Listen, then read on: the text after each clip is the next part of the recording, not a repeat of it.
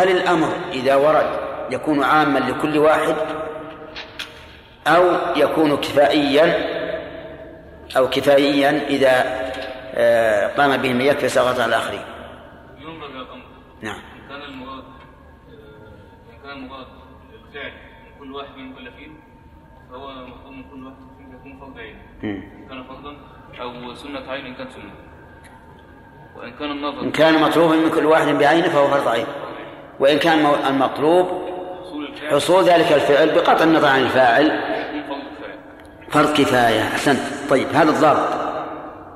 إيه، مثال فرض الكفاية. عبيد الله.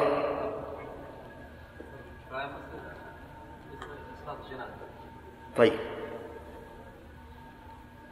ما هو الدليل على فرض كفاية؟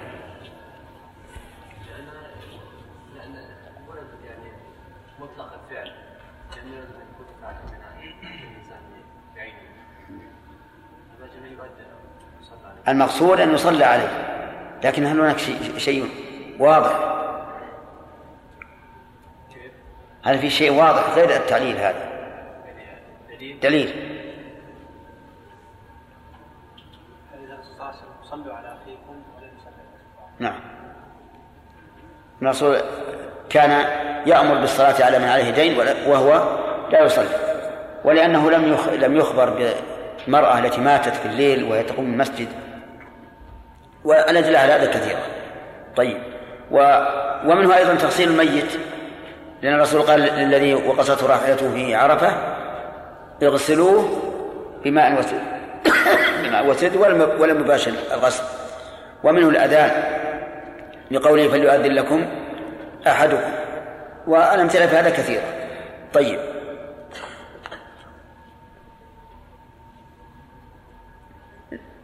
هنا الكفائي نعم. هل الأفضل فرض الكفاية أو فرض العين؟ علل لأن الله جل وعلا أمر به كل كل شخص كل واحد. نعم. لأن الله أمر به كل واحد. نعم. وجه ذلك أن الله أمر به كل واحد. فلولا أنه أمر يحتاج الناس إليه ما أمر به كل واحد. طيب. عبده. شيخ أيضا حديث النبي صلى الله عليه وسلم فيه إن ما ما ما تقرب الي عبدي هذا باعتبار النوافل. أي نعم. لا بما افترضته عليه. ها؟ ما ما تقرب الي بما افترضته عليه. اي نعم. إحنا نتكلم مو عن الفرض والسنة عن فرض الكفاية وفرض العين. اي نعم. لأن كل إنسان آه، فرض تقرب بفرض هذا أحد من ما تقرب من النافلة. لكن إذا فعلوه جميعا. إذا إذا صلى جماعة على جنازة هل صلاتهم هذه أفضل مما لو كان صلوا على صلاة فرض عين؟ هذا محل شك. زعم بعض العلماء أن فرض الكفاية أفضل لأن الإنسان يقوم به عن عن بقية الناس ولكن هذا غير صحيح. لأن هذا فضل متعلق بغير لا بذات المفروض من كلامنا عن ذات المفروض ففرض العين أفضل. ولهذا قلنا في النظم وذاك الفاضل. هل يمكن أن يكون ال- المسنون سنة كفاية؟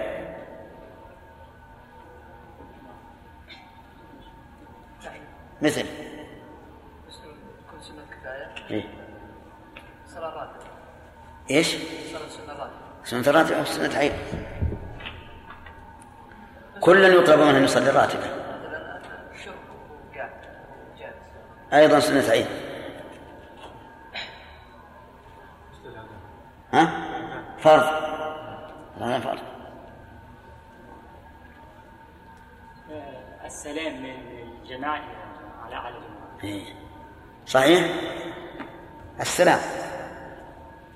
السلام سنة كفاية. إذا مر جماعة وسلم واحد منهم أجزى عن الجميع. كذلك بعض العلماء يرى أن التسمية على الطعام إذا كانت تسميتهم في آن واحد نعم فهي سنة كفاية. إذا سمى أحدهم مع الجهر بالبسملة كفى عن الجميع. ولكن الأحوط أن يسمي كل واحد نفسه إذن يكون هناك سنة كفاية كما يكون هناك فرض كفاية. نعم. نعم حكم حكم الأذان نقول أن صلاة الكسوف والصلاة إذا قام بها بعض المسلمين بها بعض المسلمين تكون يعني كفاية؟ تغنى عن بعض الآخر؟ شو هذا السؤال. هل صلاة الكسوف من سنة الكفاية؟ أو من سنة الأعيان. الظاهر الثاني سنة الأعيان كل يطلب منه أن يصلي. ثم هل هي سنة أو واجبة؟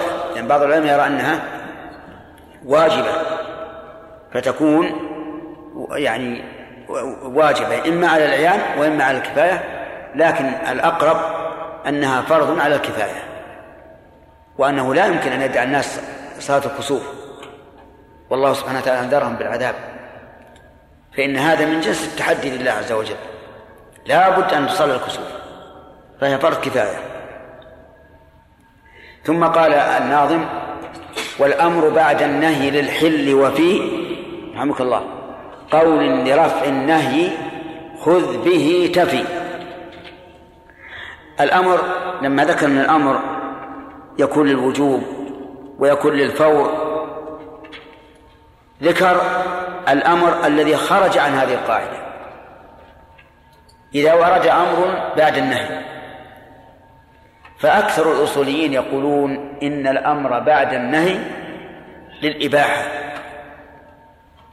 للإباحة. ولا يكون ولا يعود إلى حكمه الأول الذي هو قبل النهي. بل يكون للإباحة لأن النهي ورد على الحكم الأول فنسخه ثم رفع النهي بعد أن نسخ الحكم الأول فعاد الأمر إلى الإباحة.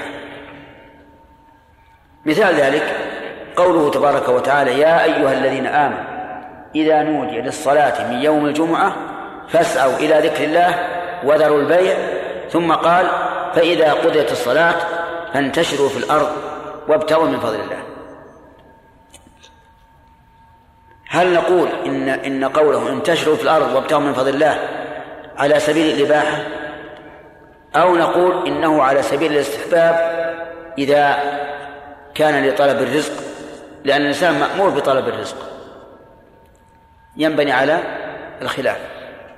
ومثل أيضا قوله تبارك وتعالى يا أيها الذين آمنوا لا تحلوا شعائر الله ولا الشهر الحرام ولا الهدي ولا القلائد ولا آمين البيت الحرام يبتغون فضلا من ربهم ورضوانا وإذا حللتم فاصطادوا.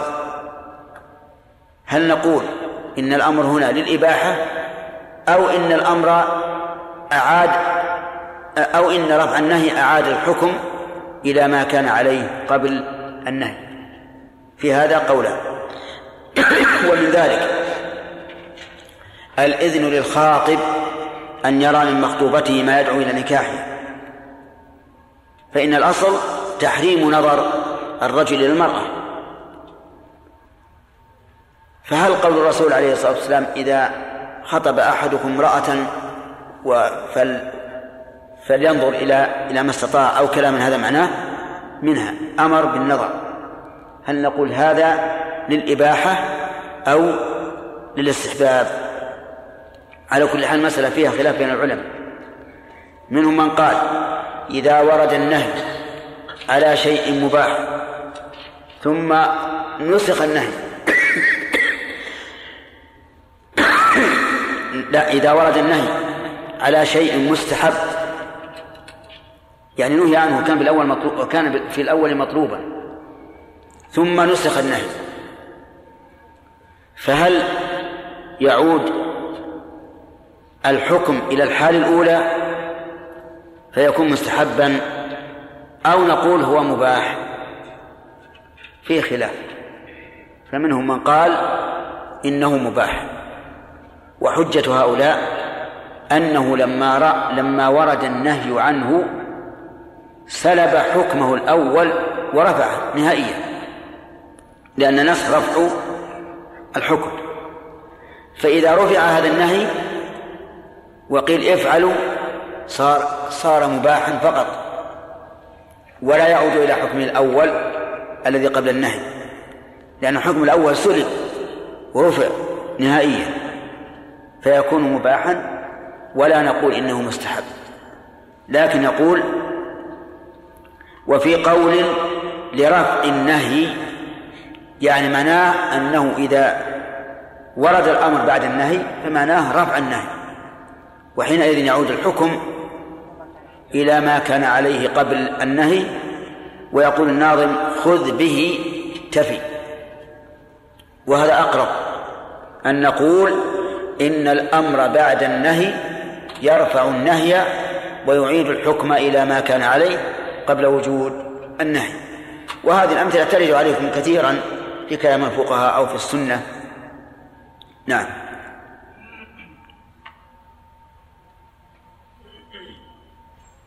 ثم قال وافعل عبادة إذا تنوعت وجوهها بكل ما قد وردت لتفعل السنة في الوجهين وتحفظ الشرع بذي النوعين. هذه أيضا قاعدة عنوانها إذا وردت العبادة على وجوه متنوعة فهل الأفضل أن نختار وجها منها ونستمر عليه؟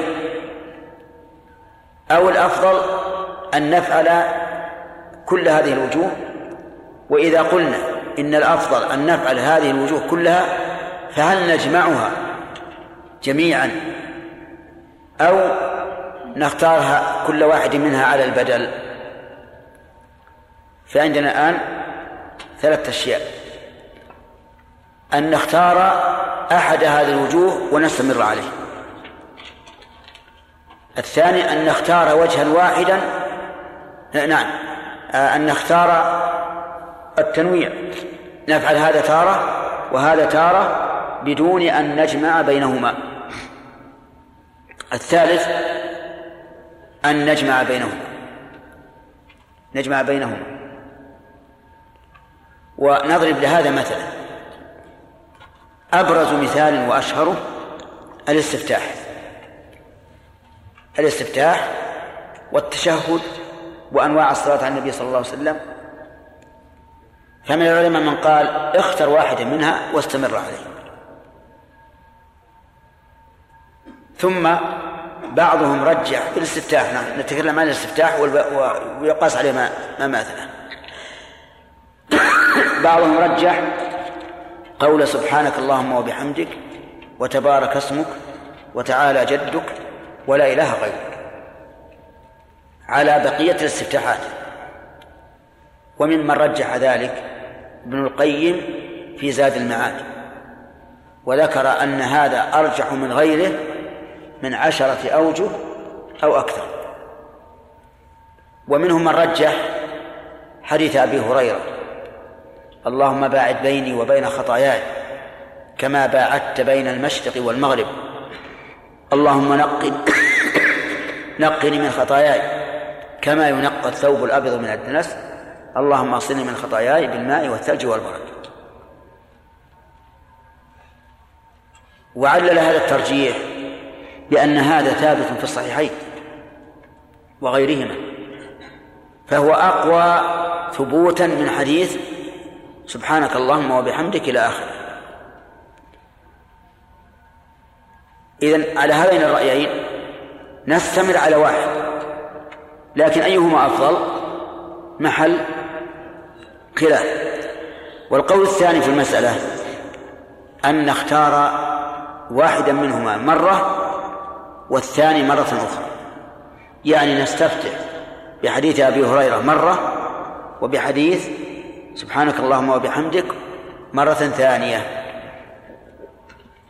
وهذا اختيار شيخ الإسلام ابن تيمية.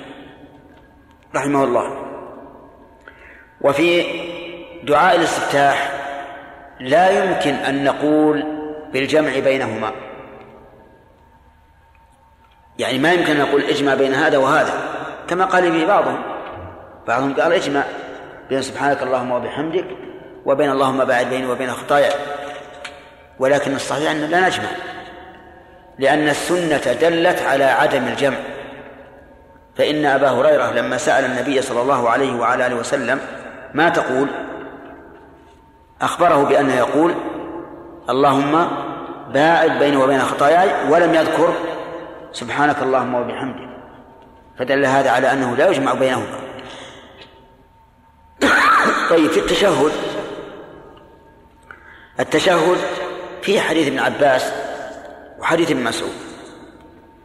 حديث ابن عباس في مسلم وحديث ابن مسعود في الصحيحين وغيرهما. وكلاهما صحيح. فهل نتشهد بتشهد عبد الله بن مسعود أو بتشهد عبد الله بن عباس؟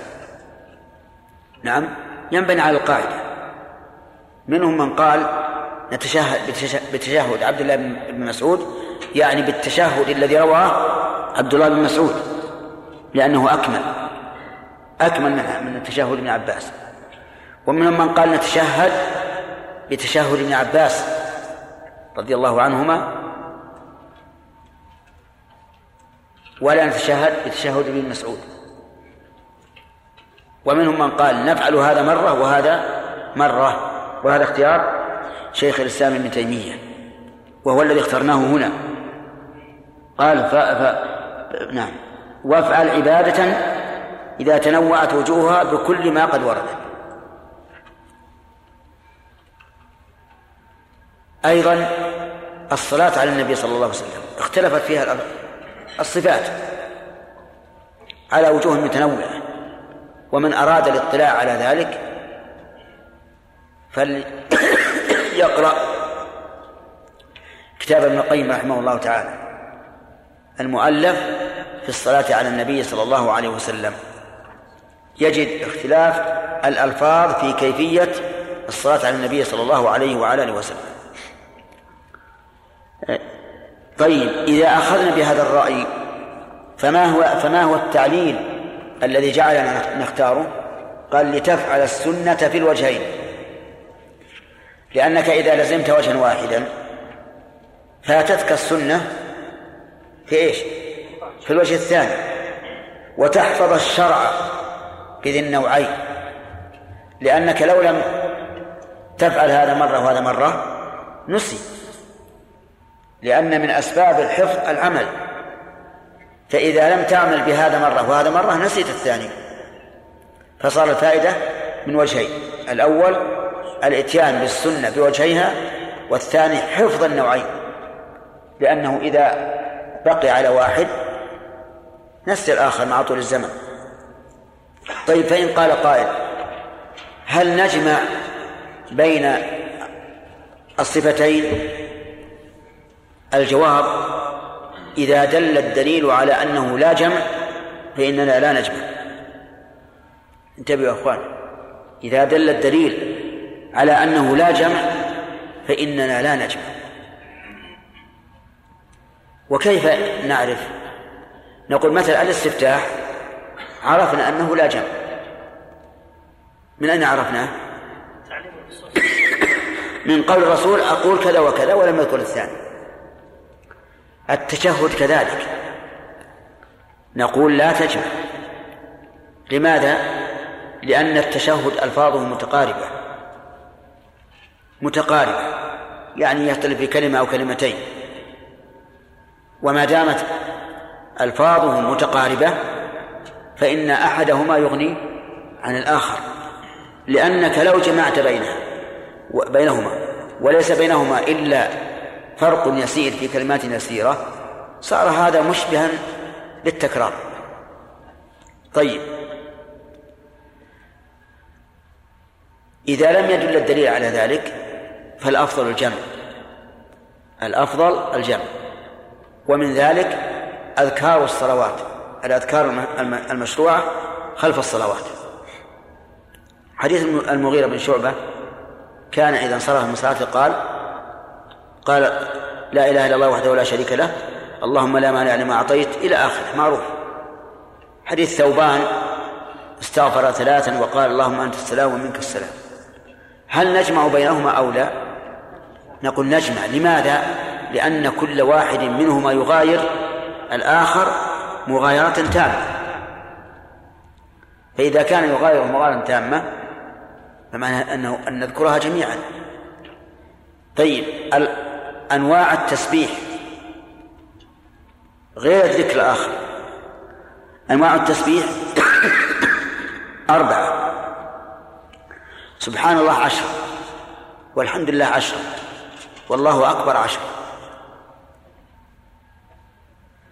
أو سبحان الله والحمد لله والله أكبر ثلاثة وثلاثين والجميع تسعة وتسعون ويختم بلا إله إلا الله وحده لا شريك له له الملك وله الحمد وهو على كل شيء قدير أو سبحان الله ثلاثة وثلاثين والحمد لله ثلاثة وثلاثين والله أكبر أربعة أربعة وثلاثين كم هذه؟ ثلاث صفات أو سبحان الله والحمد لله والله أكبر خمسا وعشرين. نعم ولا إله إلا الله والله. سبحان الله والحمد لله. ولا إله إلا الله والله أكبر. خمسا وعشرين الجميع مئة. هذه لا نجمع بينها. لا نجمع. لماذا؟ لأنها من جنس واحد كالتشهد. فيكتفى بواحد منها. هذا ما تحرر لنا في هذه المسألة. فصار الخلاصة أن العبادة إذا وردت على وجهين فالأفضل التنويع حسب ما ورد. والتعليل عرفتموه. وأما الجمع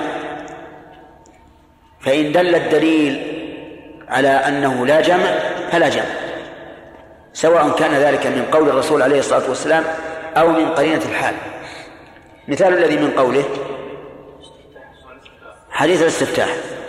والمثال الذي من قرينة الحال التشهد والتسبيح خلف الصلوات. وأما إذا لم يدل دليل على فعلهما على التبادل فإنه يجمع بينهما تحصيلا للثواب المرتب على هذه العبادة. نعم. لا لا باقي ها؟ نص ساعة الآن أنا عندي باقي دقيقة. لا تسعة وخمسين ثانية باقي. نعم. حديث منهما النبي صلى الله عليه وسلم الصحابه؟ لا هي مسألة الجهر والسر. مسألة الجمع بينهما. يجمع بينهما. أما مسألة السر السر والجهر فأنا أرى أن الذي يقول إنما جهر بذلك من أجل التعليم. أقول لو تأمل الجواب لوجد أنه حجة عليه وأنه لا يقول ذلك إلا عند المضايقة. والإنسان في المناظرة إذا ضيق عليه يرتكب الصعب والذلول. نعم. ويقول بما لو تأمله لتبين له فساده. نقول لو كان الرسول يريد, يريد أن يعلم الناس. هل ينشئ سنة تعتبر بدعة من أجل التعليم؟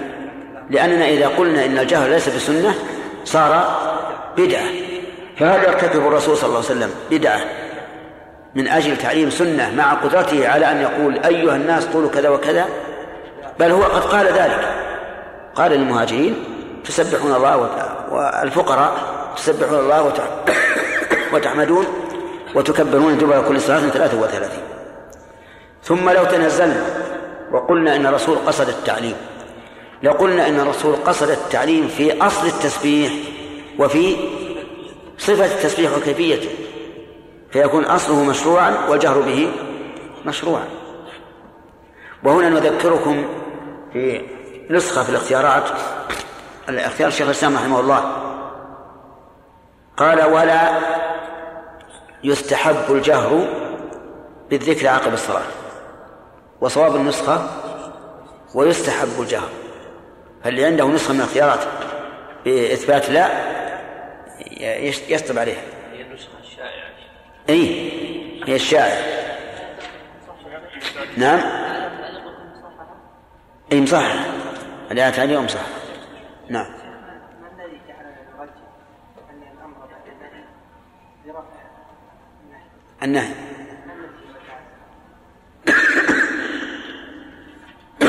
جعل جعل العقل. إن مثلا إذا قلت لك يا بني اجلس للناس الذين يأتون لل- للضيافة. ثم قلت لك لا تجلس. ثم قلت لك اجلس. هل نقول إنك في الأمر الأخير أعط- أعطيت ابنك الخيار بين أن يجلس أو لا يجلس؟ أو نقول رفعت النهي وعدت إلى الحال الأولى.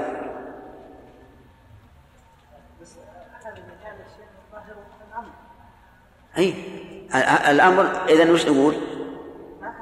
نقول الوجوب.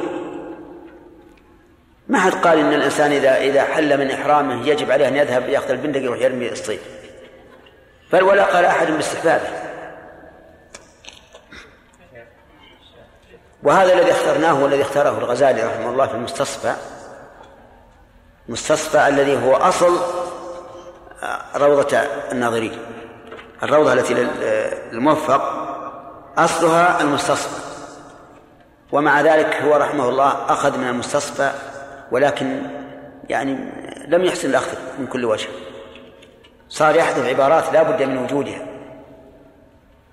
وقد نبه على ذلك عبد القادر بدران في تعليقه على روضة الناظر نعم. شيخ أول من قال بعد الحظر يدل على نعم. ما له ما له وجه أبدا. أبدا. مقتضى النصوص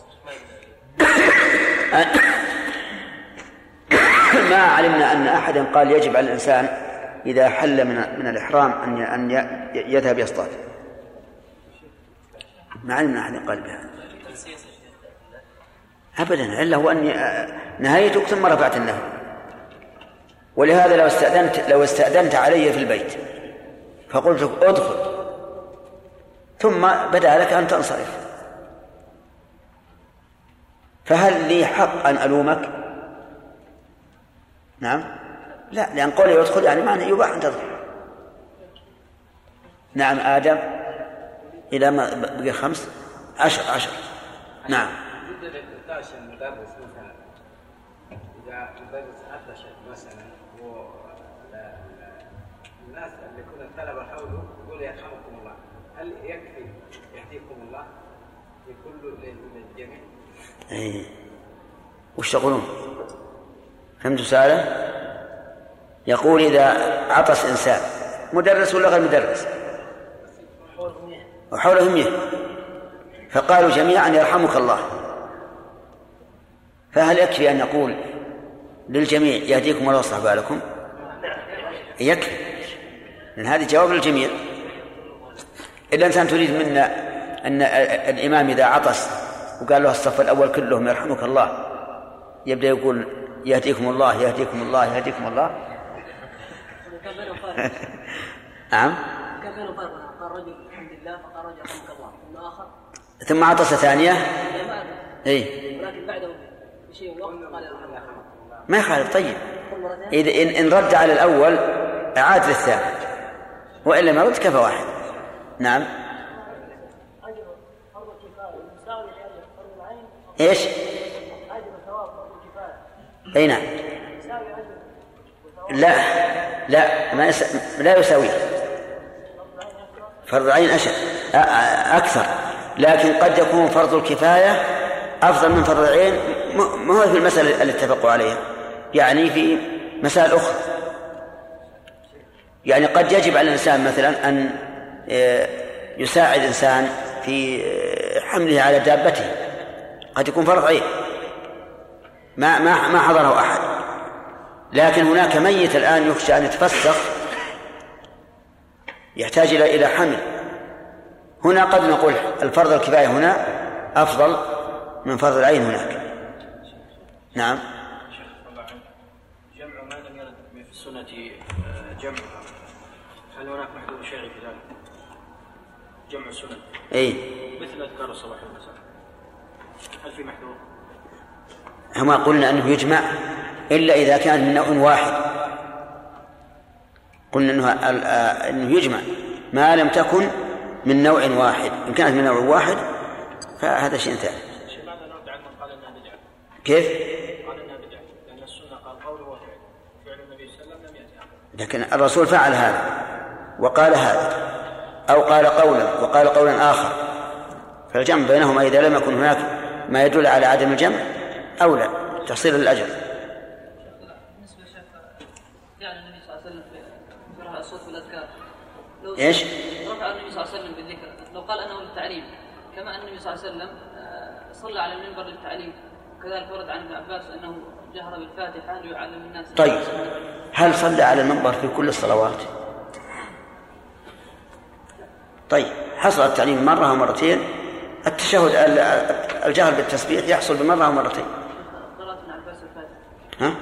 جهر ابن عباس بالفاتحه في الجهاد. اي نعم مرة ومرتين ما هو دائم حتى عمر بن الخطاب رضي الله عنه كان يجهر بقول سبحانك اللهم وبحمدك. يعلمه الناس.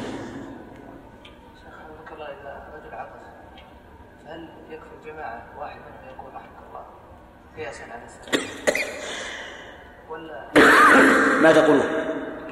يقول هل يكفي تشميت العاطس من رجل واحد المشهور عند العلماء أنه يكفي وأن تشميت العاطس فرض كفاية. وقال ابن القيم إن الظاهر أنه فرض عين لقول النبي صلى الله عليه وسلم كان حقا على كل من سمعه أن يقول يرحمك الله. اسمع فقوله حقا كان حقا على كل من سمعه يدل على أن كل من سمعه يجب عليه أن يسمع.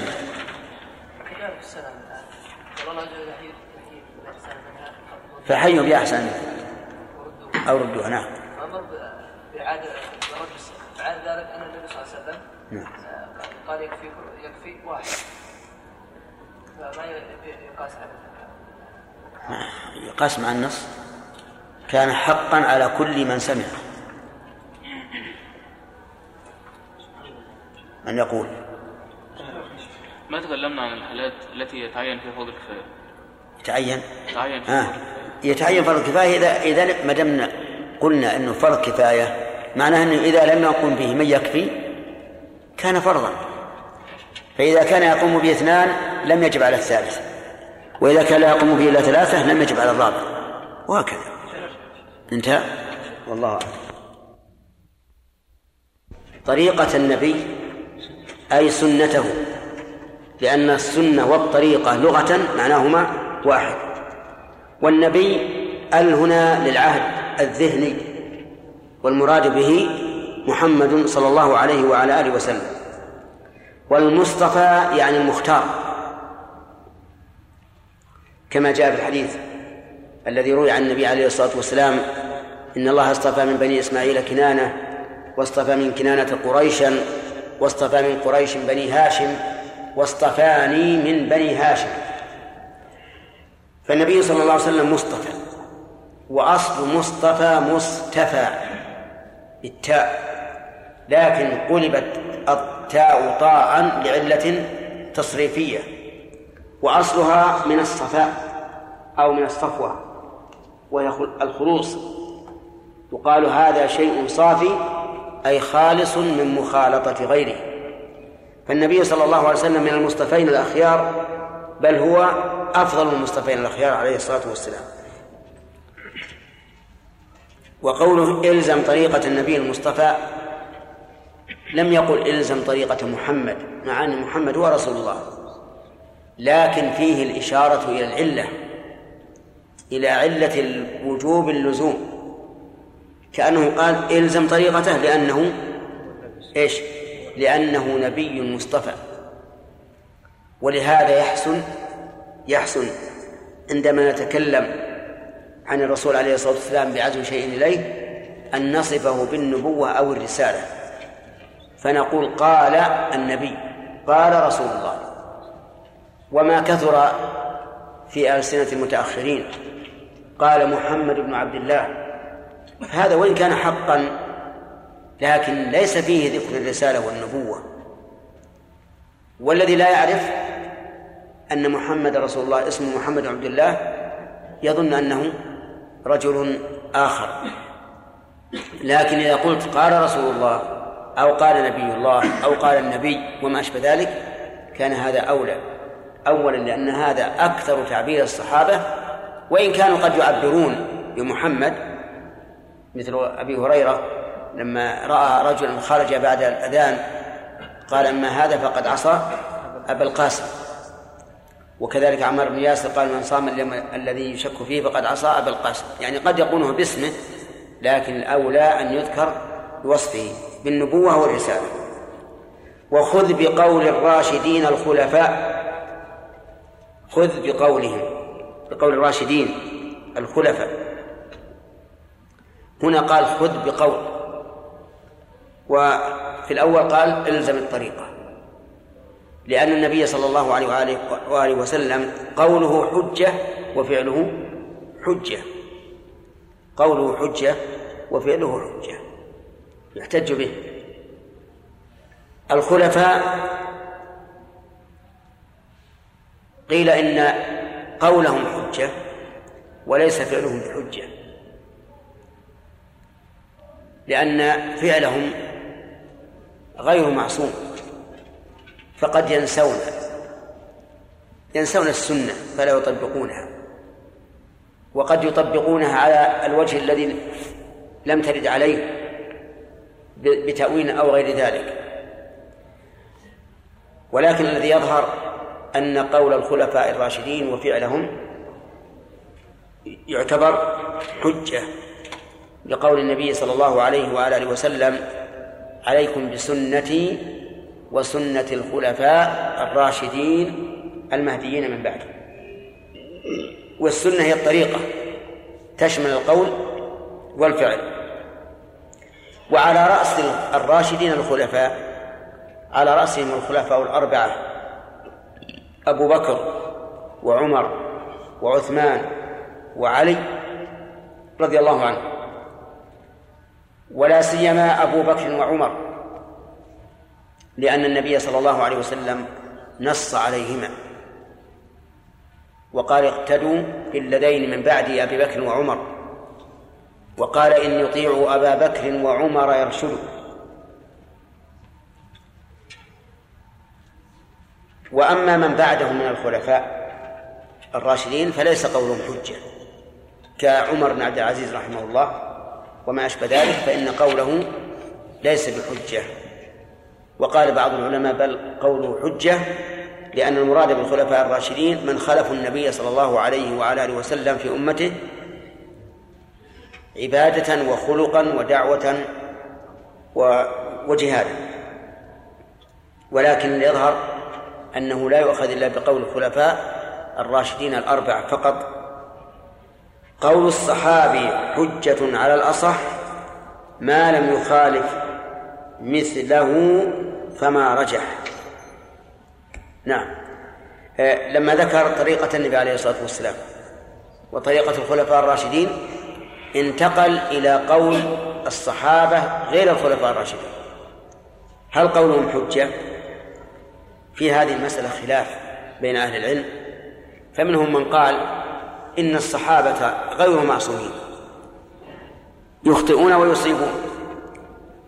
يستدلون بالقرآن والسنة كما يستدل غيرهم فلا يكون قولهم حجة إنما لا شك أنه أرجح من غيرهم لكنه ليس بحجة على الغير. فإذا قال قائل أنا أفهم من القرآن كذا أو من السنة كذا فقيل له ولكن أبو بكر يقول كذا وعمر يقول كذا فإنه ليس بحجة لأنهم غير معصومين من الخطأ. فإذا كانوا غير معصومين من الخطأ فإن القول الذي يقولونه ويريد أحد أن يلزمنا به يحتمل أن يكون إيش؟ خطأ. فكيف يلزمنا أن أن نأخذ بقول الصحابة؟ ولكن الأصح أن قول الصحابي حجة. لوجوه ثلاثة. الوجه الأول سلامة عقيدتهم لأنهم أسلموا الناس عقيدة وسلامة العقيدة من أسباب التوفيق للصواب. ثانيا أنهم أعلم بحال النبي صلى الله عليه وعلى آله وسلم ومقاله من غيره. أقرب الناس فهما إلى قول الله ورسوله هم الصحابة لأنهم أعلم بحال النبي صلى الله عليه وسلم ومقاله من غيرهم بلا شك. ولا شك أن أقرب الناس للشخص هو أعلم الناس بحاله وأعلم الناس بمقاله. ولهذا نجد الشخص الملازم لآخر هو أعلم الناس بحال هذا الرجل. فكذلك الصحابة عندهم من العلم بحال النبي صلى الله عليه وعلى آله وسلم ومقاله ما ليس عند غيرهم الوجه الثالث أنه لم تظهر في في عهدهم الأهواء والآراء بل كانوا على الهدى. ومعلوم أنه إذا ظهرت الأهواء كثر الضلال. وفي عهدهم ليس هناك أهواء كثيرة وإنما الكتاب والسنة وهما المرجع وبعد ذلك انتشرت الأمة وكثرت أهواؤها ودخلت على الأمة الكتب من الفلاسفة والمناطق وغير ذلك. فلهذا صار قولهم حجة وهذا ما ذهب إليه الإمام أحمد رحمه الله. وقال إننا نتهم الرأي ولا نتهم الصحابة. يعني يتهم الإنسان رأيه ولا يتهم الصحابة. ولكن إذا كان إذا إذا كان قول الصحابي مخالفا لقول مثله فإنه ليس بحجة. يعني لو اختلف صحابيان في حكم مسألة فليس أحدهما حجة علينا ولا حجة على صاحبه. ولكن نأخذ بماذا؟ نأخذ بما رجح. نأخذ بما رجح. فإذا اختلف صحابيان في مسألة أخذنا بالراجح من قوليهما. وأسباب الترجيح وطرق الترجيح كثيرة. معلومة في أصول الفقه. طيب وإن خالف الكتاب والسنة من باب أولى لأنه إذا كان مخالفة غيره من الصحابة يبطل كون قوله حجة فمن باب أولى إذا خالف الكتاب والسنة. ولهذا قال قال ابن عباس رضي الله عنهما يوشك أن تنزل عليكم حجارة من السماء أقول قال رسول الله وتقولون قال أبو بكر وعمر. قال ذلك حينما كان يدعو الناس إلى التمتع في الحج. وأبو بكر وعمر يريان الإفراد. ورأيهما من أجل أن يبقى البيت عامرا في كل السنة. لأن العمرة ليس لها وقت. كل من تيسرت له يذهب ويعتمر. فإذا قيل للناس اعتمروا في, في أشهر الحج تركوا البيت وصاروا لا يعتمرون إلا إذا جاءوا للحج لأن المواصلات كانت من قبل صعبة جدا. فإذا قيل لهم تمتعوا قالوا إذن لا حاجة أن نسافر للعمرة في وقت آخر فتعطل البيت من الزوار. هذا هو اجتهاد أبي بكر وعمر رضي الله عنهما ولكنه اجتهاد مخالف لأمر النبي صلى الله عليه وعلى آله وسلم بالتمتع. والنبي صلى الله عليه وسلم يعلم ماذا يترتب على قوله ومع هذا أمر بالتمتع وحث عليه وغضب عليه الصلاة والسلام لما تأخر الصحابة في تنفيذ ذلك. طيب المهم أن قول الصحابي حجة بشرط أن لا يخالفه غيره فإن خالفه غيره وجب الترجيح. طيب بقي بحث آخر. هل قول الصحابي حجة؟ أيا كان الصحابي؟ يعني حتى لو كان أعرابيا جاء على بعيره وأسلم ورجع إلى أهله هل يعتبر قوله حجة على أئمة المسلمين من بعد الصحابة؟ الجواب لا. وإنما المراد من الصحابة وإنما المراد بقولنا إن قول الصحابي حجة من كان من أهل الاجتهاد من الصحابة. يعني له قدم راسخ في العلم. أما رجل حضر إلى النبي عليه الصلاة والسلام وأسلم ورجع إلى قومه لا يحمل إلا حديثا أو حديثين فليس قوله حجة. لكن روايته مقبولة. لكن قوله الذي يقول تفقها ليس بحجة. فصار قول المؤلف قول الصحابي حجة هذا ليس على إطلاقه. إذ أن المراد بالصحابي من؟ الفقهاء من الصحابة. أما من ليسوا فقهاء فإن أقوالهم ليس بحجة. طيب ثم قال ما لم يخالف مثله فما رجع. ما وش إعرابه؟ ما رجح لا. ما اسم موصول. بمعنى الذي يعني ما لم يخالف مثله فالذي رجح هو الحجة. فالذي رجح هو الحجة. فإذا خالف غيره نظرنا إلى الراجح فيكون هو الحجة.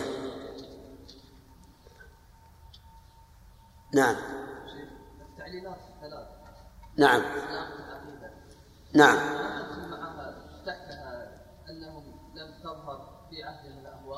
لا. لأن هذه وجود أسباب. الأهوى وجود أسباب تكون آه، مثارا للخلاف.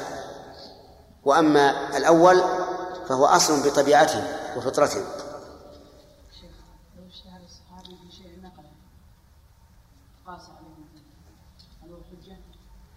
إذا إذا نعم.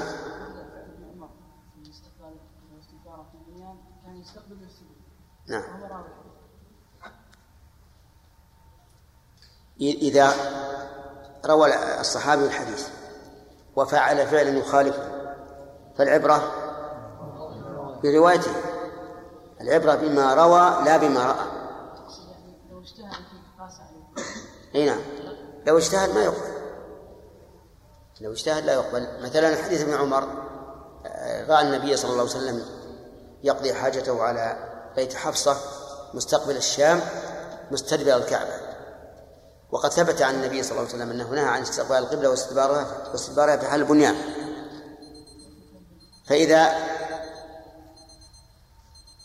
شر فإذا استقبل القبلة ابن عمر أو غيره فإنه لا لا, لا يكون حجة. نعم. إي نعم.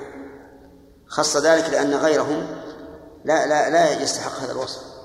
فإن فإن الخلفاء الأربعة متفق على أنهم خلفاء راشدون ومن بعدهم فيهم الخلاف. لكن عندنا الأخيرة قول الصحابي هل هو حجة أو لا؟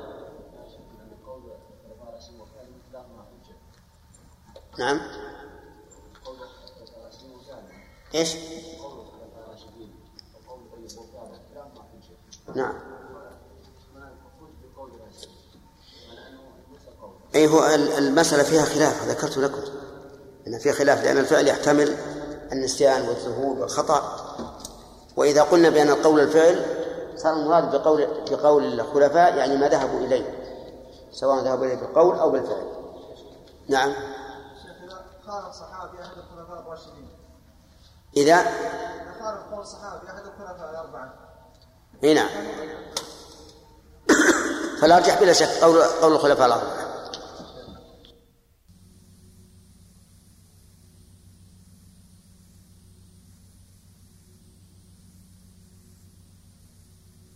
تبعهم بإحسان إلى يوم الدين. آه الأمر إذا ورد بعد النهي فعلى أي شيء يحمل؟ يعني الإباحة. طيب يعني الإباحة. مثاله؟ اي طيب. أنت ابن داود ما حضرت تقول؟ إيه. طيب مثاله. طيب. يلا كمل كمل وجه الدلالة؟ يعني الله الله سبحانه وتعالى خاطب المسلمين إذا بعد بعد أن يحلوا يجوز لهم الصيد. بعد أن كان محرم عليه في الإحرام بأي شيء جاء التحريم نعم. بأي شيء حصل ثبت التحريم؟ والله سبحانه وتعالى يا أيها الذين آمنوا آه، لا تحلوا. لا تحل شعائر الله. ولا الشهر الحرام ولا الهدي ولا القلائد ولا آمن بيت حرام لا يا شيخ اقرا يبتغون فضلا من الله من ربهم ورضوانه وإذا حللتم فاصطادوا طيب.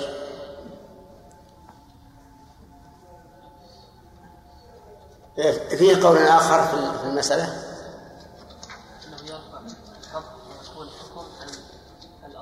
على ما كان عليه قبل النهي. مثاله.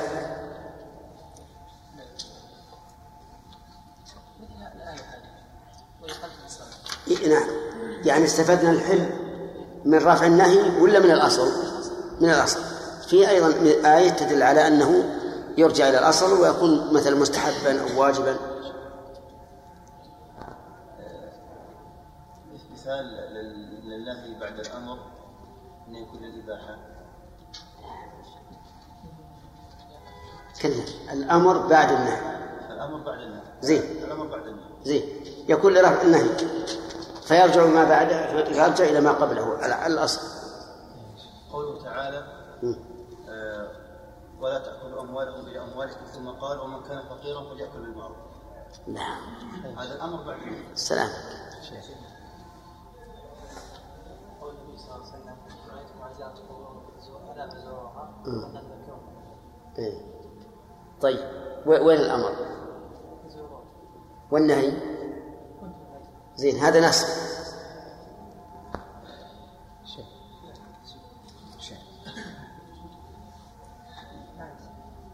ما هو؟ متى ترفع يدك أو؟ شيء خلاص. نعم. قوله تعالى فإذا انسلخ الأشهر والحرم فاقتلوا المشركين حيث وجدتموهم. نعم.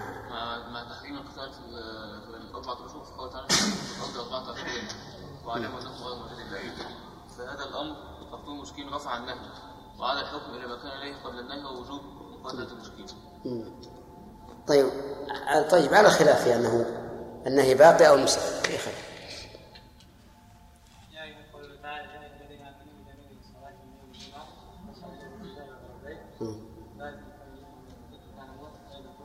يا أيها الذين آمنوا إذا نودي للصلاة من يوم الجمعة فاسعوا إلى ذكر الله وذروا البيع. ثم قال فإذا قضيت الصلاة فانتشروا في الأرض وابتغوا من فضل الله. فهذا يعني طلب الرزق سنة. نعم. قوله تعالى حللتم فاصطادوا هذا كان أتينا بها. للحل. خلاص مثال هنا يقول إذا تنوعت العبادة على وجوه متعددة فهل الأفضل الاقتصار على واحد أو لا؟ تفصيله نعم. دل الدليل على أنه يقتصر على واحد فيقتصر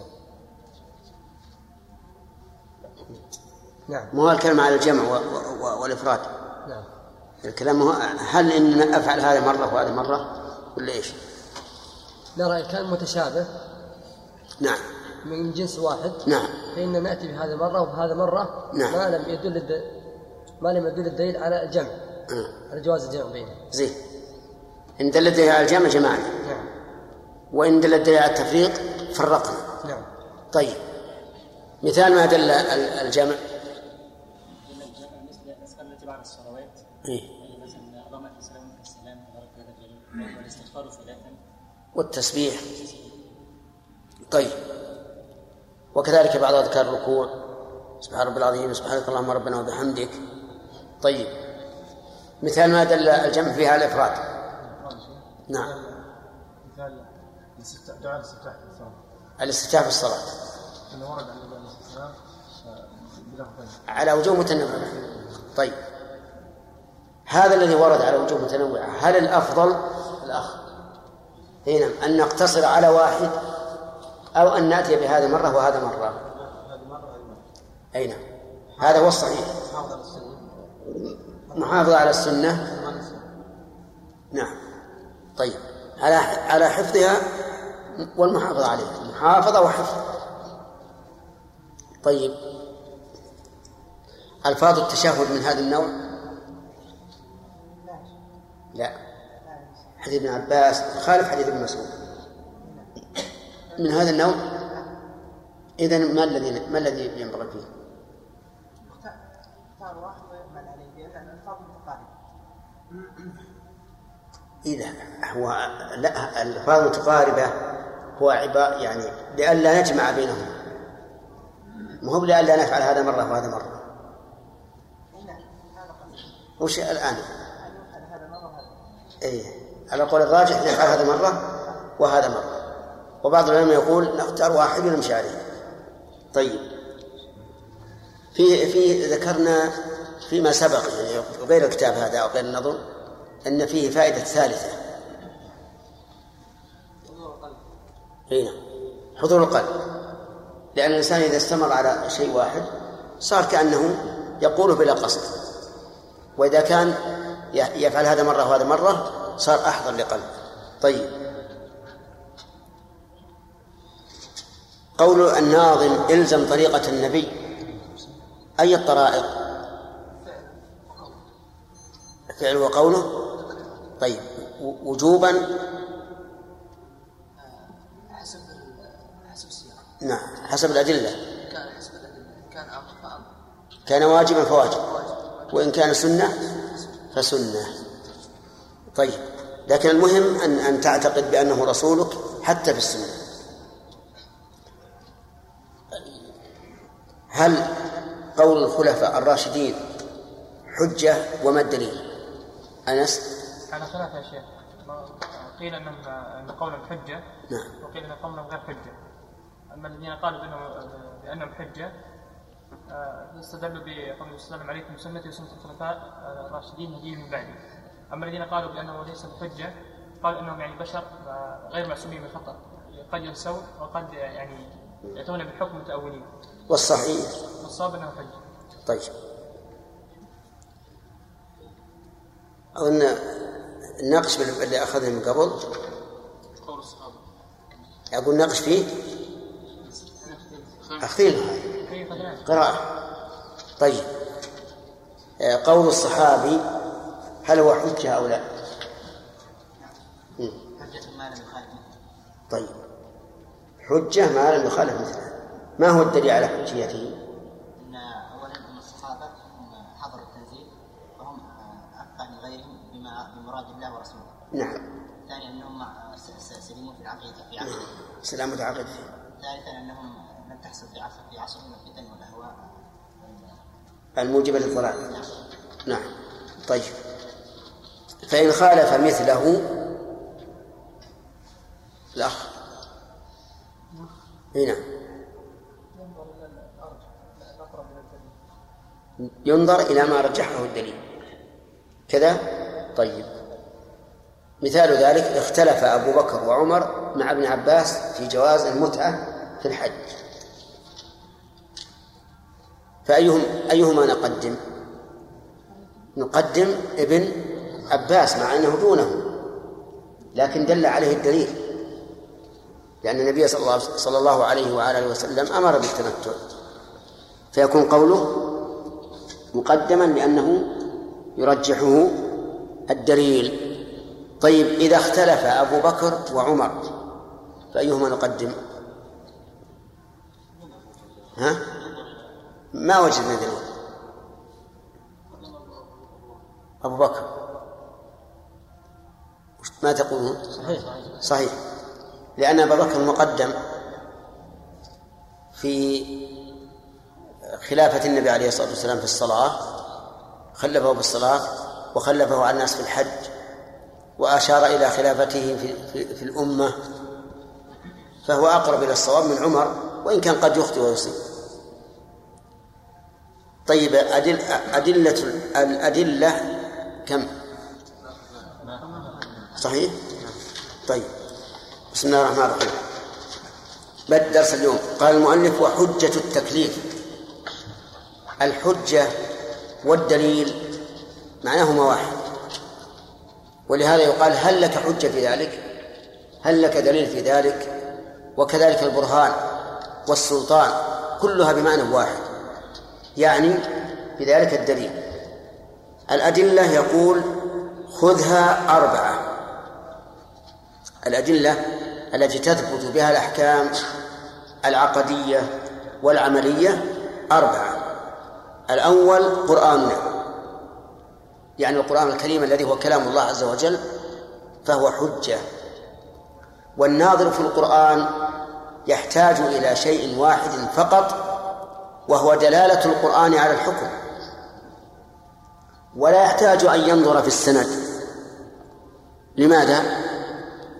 لأنه متواتر. تلقاه الأصاغر عن الكبا عن الأكابر. فمن أنكر منه شيئا فإنه كافر. اللهم إلا ما ما اختلفت فيه القراءات فقد يكون في بعض القراءات إسقاط حرف عطف. أو ما أشبه ذلك هذا لا, لا يضر. لكن لو مثل أنكر آية قال إن قوله تعالى واتقوا يوما ترجعون فيه إلى الله ليس من القرآن. مثلا أو تبت يدا أبي لهب من القرآن؟ فهذا كافر. فالقرآن لا ننظر إلى ثبوته لأنه إيش؟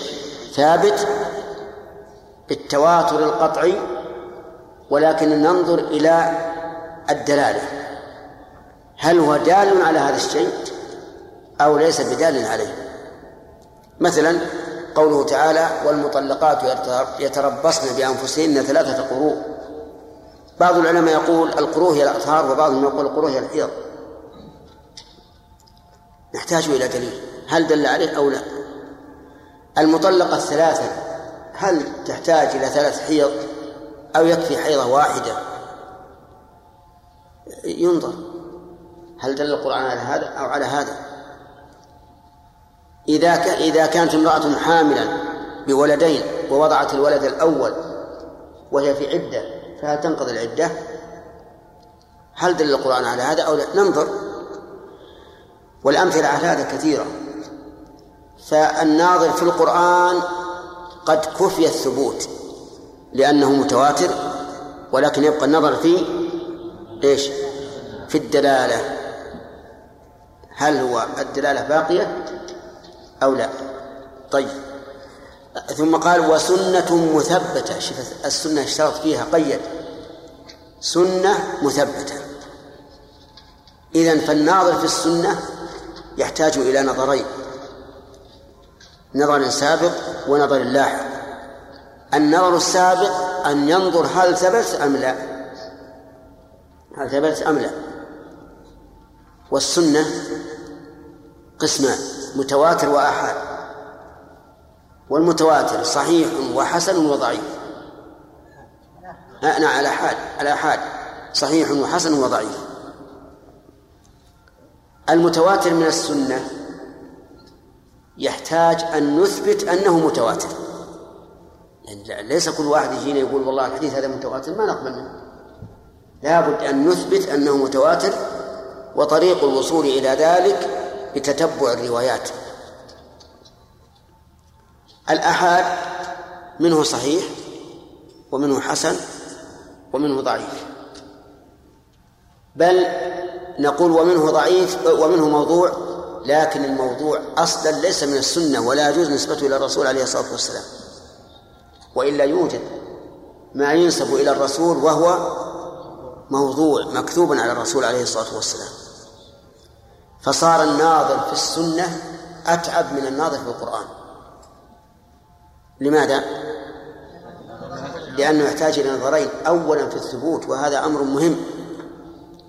وثانيا في في الدلالة. طيب. هل يكتفى في الثبوت بتصحيح بعض العلماء مثلا؟ فنقول هذا صححه فلان فهو صحيح. هذا أيضا ينظر فيه لأن بعض الحفاظ بعض حفاظ الحديث يتساهل في التصحيح وبعضهم يشدد في التصحيح وبعضهم وسط. ثم يحتاج أيضا العالم بالإسناد يحتاج إلى فقه الحديث لأنه ربما ينظر إلى ظاهر الإسناد فيحكم بالصحة مع أن المتن شاذ أو منكر. ولهذا نجد أن المستدل بالسنة في الواقع يحتاج إلى جهد كبير حتى تثبت أولا ثم تثبت ثم تثبت الدلالة الدلالة ثانيا. ومن ثم قيل وسنة إيش؟ مثبتة. يعني ثبتها أهل العلم. من بعدها إجماع هذه الأمة. من بعدها بعد الكتاب والسنة. الإجماع. وفي قول الناظم من بعدها أي من بعد هذه الحجة إشارة إلى أن الإجماع لا بد أن يكون مبنيا على كتاب أو سنة. لأن الأمة لا يمكن أن تجمع على ما لا دليل فيه. فمستند الإجماع هو الكتاب والسنة. أما إجماع بلا كتاب ولا سنة فهذا مستحيل. لا بد أن يكون إجماع نعم كتاب أو سنة.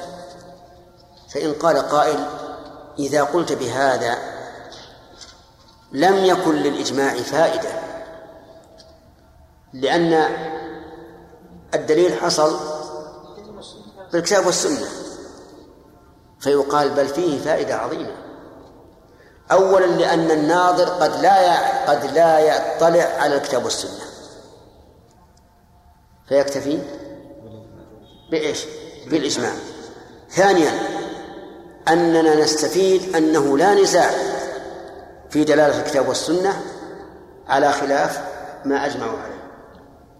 لأنه لو كان هناك خلاف في دلالة الكتاب والسنة ما أجمعوا فصار نستفيد من من, ذكر الإجماع. وإن قلنا لا إجماع إلا عن الكتاب والسنة نستفيد إيش؟ الفائدتين الفائدة الأولى أن الإنسان قد لا يطلع على الدليل من الكتاب والسنة لكن أمامه الإجماع. كما يوجد الآن في آه، الإفصاح لابن هبيرة والإجماع لابن منذر وغيره يقول أجمع وأجمع على كذا أجمع على كذا مع أنه لا يذكر الدليل فنقول نحن لا نستطيع أن نبحث عن الدليل فيكفينا أن أن نقرأ بأنه أجمع الفائدة الثانية إيش؟ أنهم إذا أجمعوا لم يكن هناك مجال للنزاع في مدلول الحديث أو الآية واضح؟ لأني قلت مثلا أجمعوا على وجوب كذا. الدليل قوله تعالى أو قول النبي صلى الله عليه وسلم لم يمكن أحد أن يقول هذا الآية لا تدل على ذلك أو هذا الحديث لا يدل على ذلك لا يمكن. لماذا؟ لأن العلماء أجمعوا على أنه يدل على كذا فلا يمكن أن نخلق إجماعا فصار حتى وإن قلنا لا إجماع إلا عن كتاب والسنة فإن الإجماع دليل. ولكن يبقى النظر ما هو الدليل على أن نعم. يحتاج أن نذكر الأدلة كلها. أولا ما هو الدليل على أن القرآن حجة؟ نعم. ما هو الدليل على أن القرآن حجة؟ الدليل على أن القرآن حجة؟ كل القرآن دليل. كل القرآن يدل على أن القرآن حجة. يا أيها الناس قد جاءتكم موعظة من ربكم وشفاء لما في الصدور. يا أيها الناس قد جاءكم الرسول بالحق من ربكم. يا أيها الناس قد جاءكم الرسول قد جاءكم برهان من ربكم وأنزلنا إليكم نورا مبينا. فأما الذين آمنوا بالله واعتصموا به إلى آخره. فالأدلة على أن القرآن هو حجة لا كلها. طيب الدليل على أن السنة حجة. الدليل قول الله تبارك وتعالى يا أيها الذين آمنوا أطيعوا الله وأطيعوا الرسول. ولو لم تكن حجة لم يكن للأمر بطاعة الرسول فائدة. وقوله تعالى فآمنوا بالله ورسوله النبي الأمي.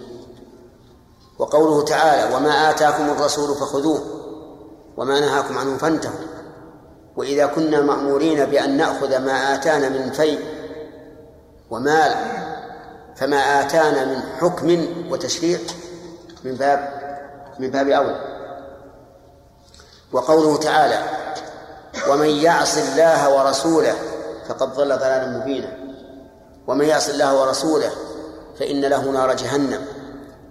وقول النبي صلى الله عليه وسلم لا ألفين أحدكم متكئا على أريكته. يأتيه الأمر من من أمري. فيقول لا ندري ما وجدنا في كتاب الله اتبعناه. ألا وإني أوتيت الكتاب ومثله معه. والنصوص في هذا معروفة مشهورة.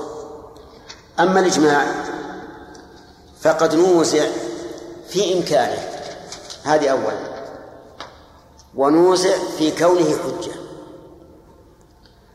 أما النزاع في إمكانه فقال فأنكر بعض العلماء أنكر أن يوجد إجماع. وقال ما يمكن يوجد إجماع. من يعرف أن عالما في أقصى الشرق موافق لعالم في أقصى الغرب؟ لا سيما وأنه في الزمن الأول المواصلات والاتصالات صعبة جدا.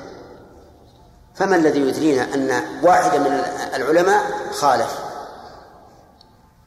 ولهذا قال الإمام أحمد من ادعى الإجماع فهو كاذب وما يدريه لعلهم اختلفوا. والذين ينكرون وجود الإجماع معناه أنه لا يوجد فضلا عن أن يكون دليلا. ولكن الصحيح أن الإجماع ثابت. أما في الأمور المعلومة من بالضرورة من الدين فهذا أمره واضح. فالعلماء يجمعون على وجوب الصلاة وتحريم الخمر وتحريم الزنا وتحريم الزنا وما أشبه ذلك.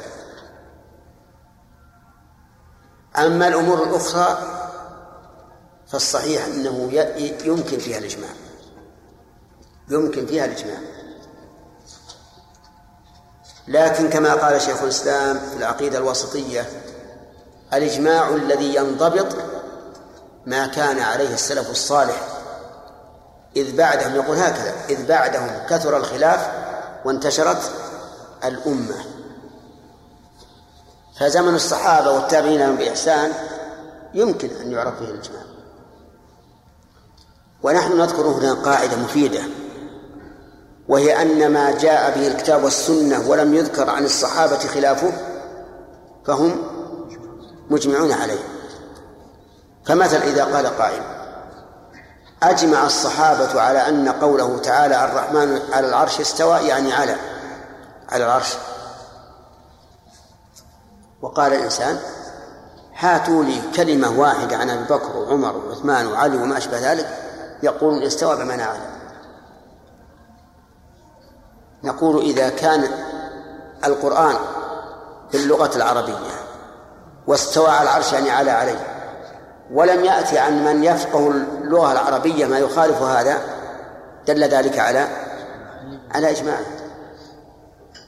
ولهذا لا يمكن أن أن لا يمكن أن نقرر إجماع الصحابة على إجراء نصوص الصفات على ظاهرها إلا بهذه الطريقة أن نقول القرآن باللغة العربية.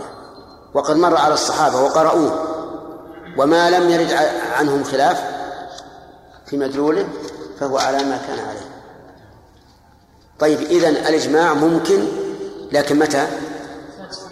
في عهد الصحابة والتابعين يعني في الصدر الأول فما هو الدليل على أن الإجماع حجة؟ الآن إذا ثبتنا وجود الإجماع نحتاج إلى أن نعرف أنه حجة نقول الدليل على أنه أنه حجة من القرآن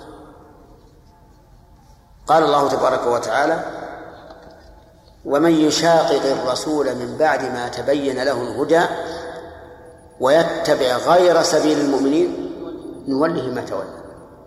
قال ويتبع غير سبيل المؤمنين نوله ما تولى.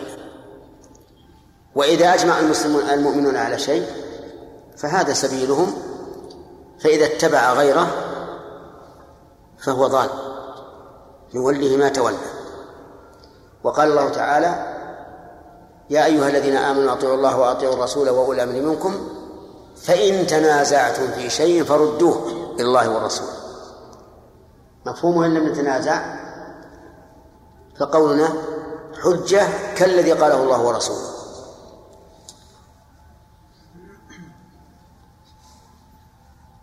فهذا هذا دليل على الإجماع. وتعليل هذه الأمة معصومة. فقد روي عن النبي عليه الصلاة والسلام بحديث سنده حسن لا تجتمع أمتي على ضلالة. نعم. ويشهد لذلك أنها لا تجتمع على ضلالة قوله تعالى وكذلك جعلناكم أمة وسطا يعني عدلا خيارا لتكونوا شهداء على الناس. وقال النبي عليه الصلاة والسلام لما مرت جنازة فأثنوا عليها خيرا قال وجبت. ومرت جنازة أخرى فأثنوا عليها شرا قال وجبت. قالوا يا رسول الله ما وجبت؟ قال أما الأول فوجبت له الجنة وأما الثاني فوجبت له النار. ثم قال أنتم شهداء الله في الأرض. فهذا هذه أدلة تدل على أن الإجماع حجة. ومن أراد مزيدا من ذلك فعليه بقراءة أصول الفقه. بقي عندنا الرابع القياس. والقياس فيه أيضا معترك هل هو حجة ولا لا؟ ويأتي إن شاء الله الكلام عليه. تسمية الأحكام الشرعية التي فيه نعم. إي نعم. آه هذه سؤال يقول كيف نسمي الأحكام الشرعية التكليفية؟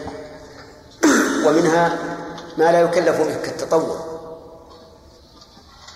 والجواب على هذا أن نقول هي تكليفية يعني أنها أن العبد مأمور بها أو منهي عنها.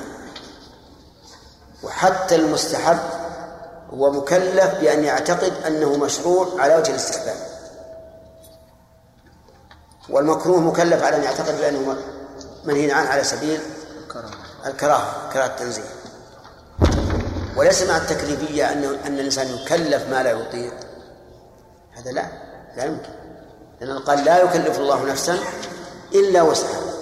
فنفى وأثبت. نفى التكليف بالوسع. آه، أثبت التكليف بالوسع ونفى التكليف بغير الوسع. قلنا أن الإجماع من بني على الكتاب والسنة. نعم. ولكن نعم. آه، أجمع العلماء على أن ما أن الماء يتغير بنجاسة فهو نجس. نعم. أين من ذلك مو لازم مو هو بلازم من الكتاب والسنة جميعا. السنة أدلة ضعيفة. طيب. من القرآن قول الله تبارك وتعالى حرمت عليكم الميتة والدم ولحم الخنزير وما أهل لغير الله به والمنخنقة. استدل الإمام أحمد بهذا على نجاسة الماء إذا تغير بالنجاسة. قال لأن الميت حرام. حرام.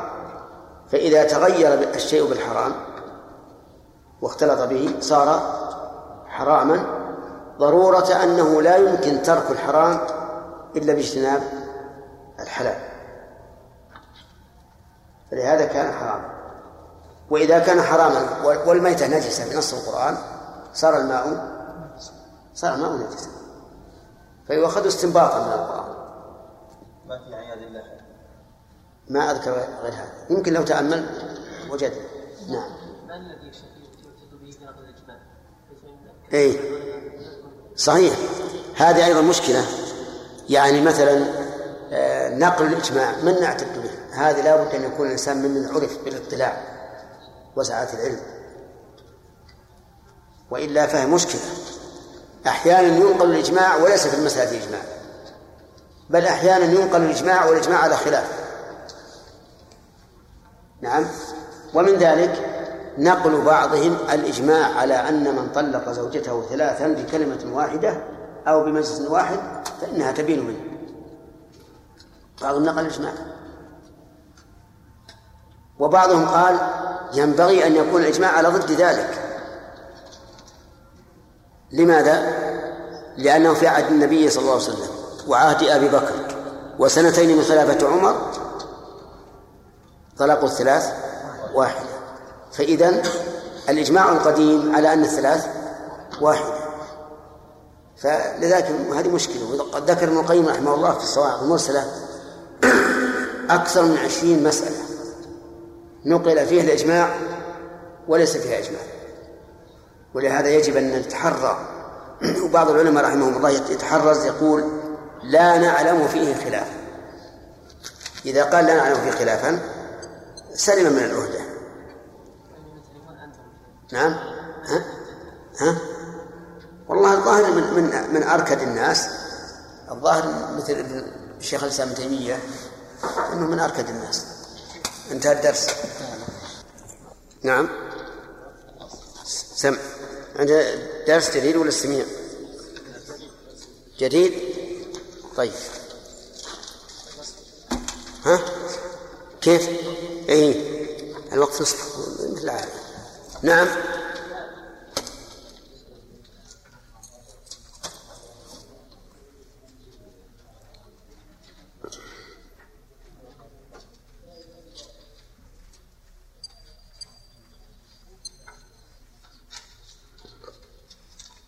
سم.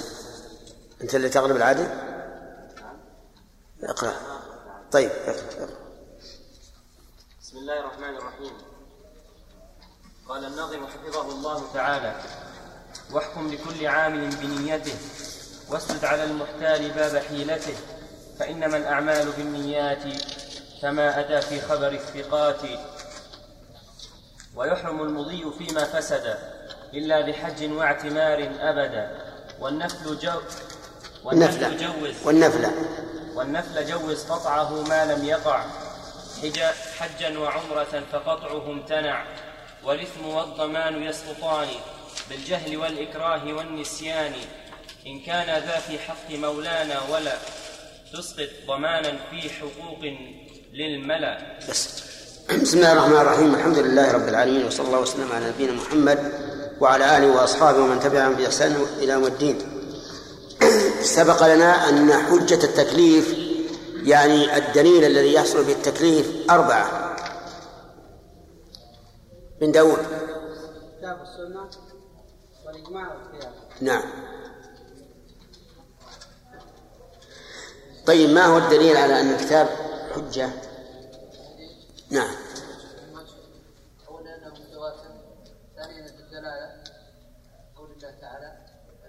لا ما الدليل على أنه حجة.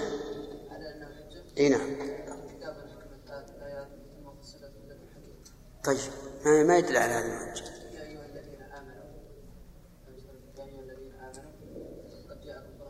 يا أيها الناس.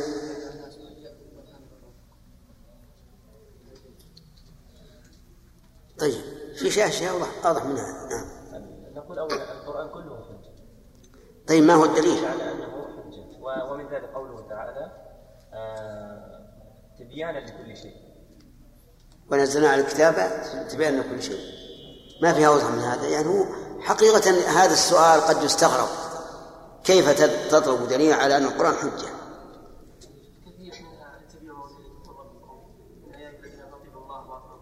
نعم. طيب. إنا أنزلنا إلى الكتاب بالحق لتحكم بين الناس بما أراك الله. المهم كثير. طيب. ما هو الدليل على أن السنة حجة؟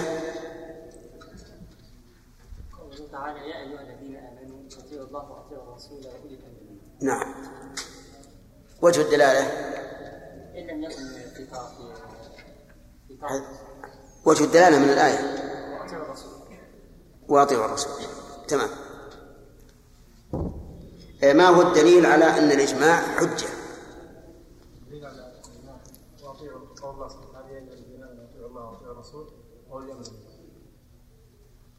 وجه الدلالة.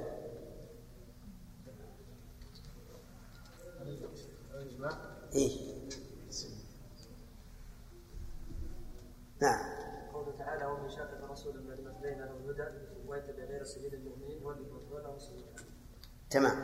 وما أجمعوا عليه فهو سبيله طيب.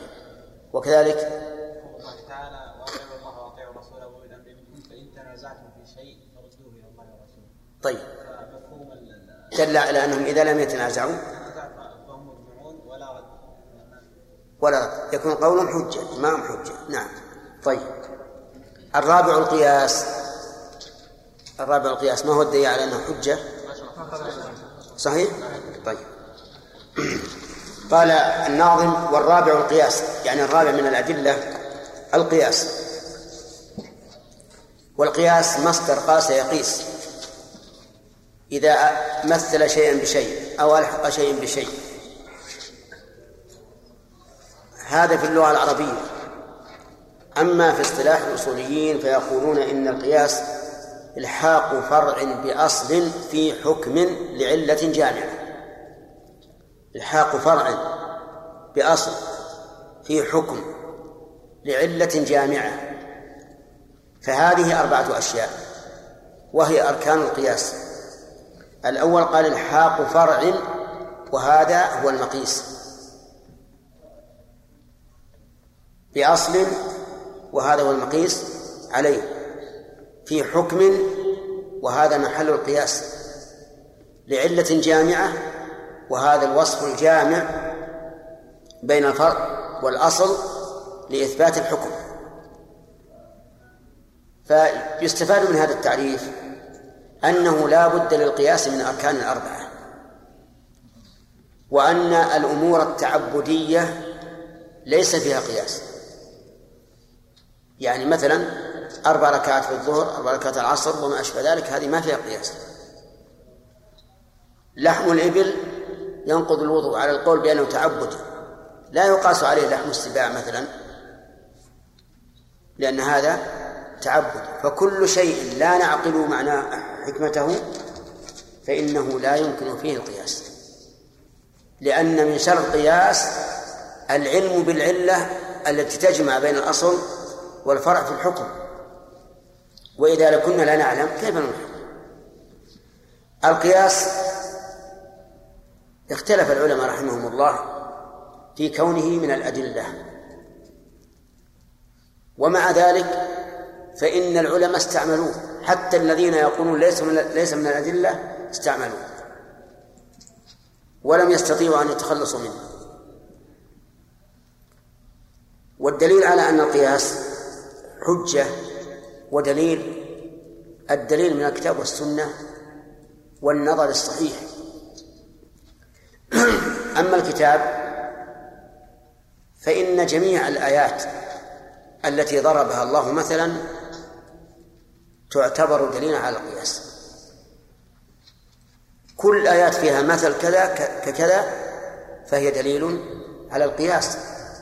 لأن تمثيل حال بحال أو فرد بفرد يعني قياسه عليه. يعني قياسه عليه. ثم إن الله تعالى قاس إمكان إحياء الموتى بعد أن كانوا رميما على إحياء الأرض بعد أن كانت هامدة. قال الله تعالى ومن آياته أنك ترى الأرض خاشعة فإذا أنزلنا عليها الماء اهتزت وربت إن الذي أحياها لمحيي الموتى إنه على كل شيء قدير. وقال تعالى يا أيها الناس إن كنتم في ريب من البعث فإنا خلقناكم من تراب ثم من نطفة ثم من علقة ثم من مضغة مخلقة وغير مخلقة لنبين لكم ونقر في الأرحام ما نشاء إلى أجل مسمى ثم نخرجكم طفلا ثم لتبلغوا أشدكم ومنكم من يتوفى ومنكم من يرد إلى أرض العمر لكي لا يعلم من بعد علم شيئا وترى الأرض هامدة فإذا أنزلنا عليها الماء اهتزت وربت وأنبتت من كل زوج بهيج. ومن ذلك هذا دليل الدليل الثالث قوله تبارك وتعالى وهو الذي يبدأ الخلق ثم يعيده وهو أهون عليه. وقال تعالى أفعين بالخلق الأول؟ بل هم في لبس من خلق جديد. وهذا قياس إيش؟ قياس المعاد على المبدأ. قياس المعاد على المبدأ. وهو قياس جلي واضح. لأن القادر على البدء لا يعجز عن الإعادة. إذ أن البدء أصعب والإعادة أهون. ولهذا قال الله تعالى في آخر سورة ياسين وضرب لنا مثلا ونسل خلقه قال من يحيي العظام وهي رميم؟ استمع للجواب. كلها قيس عقلية.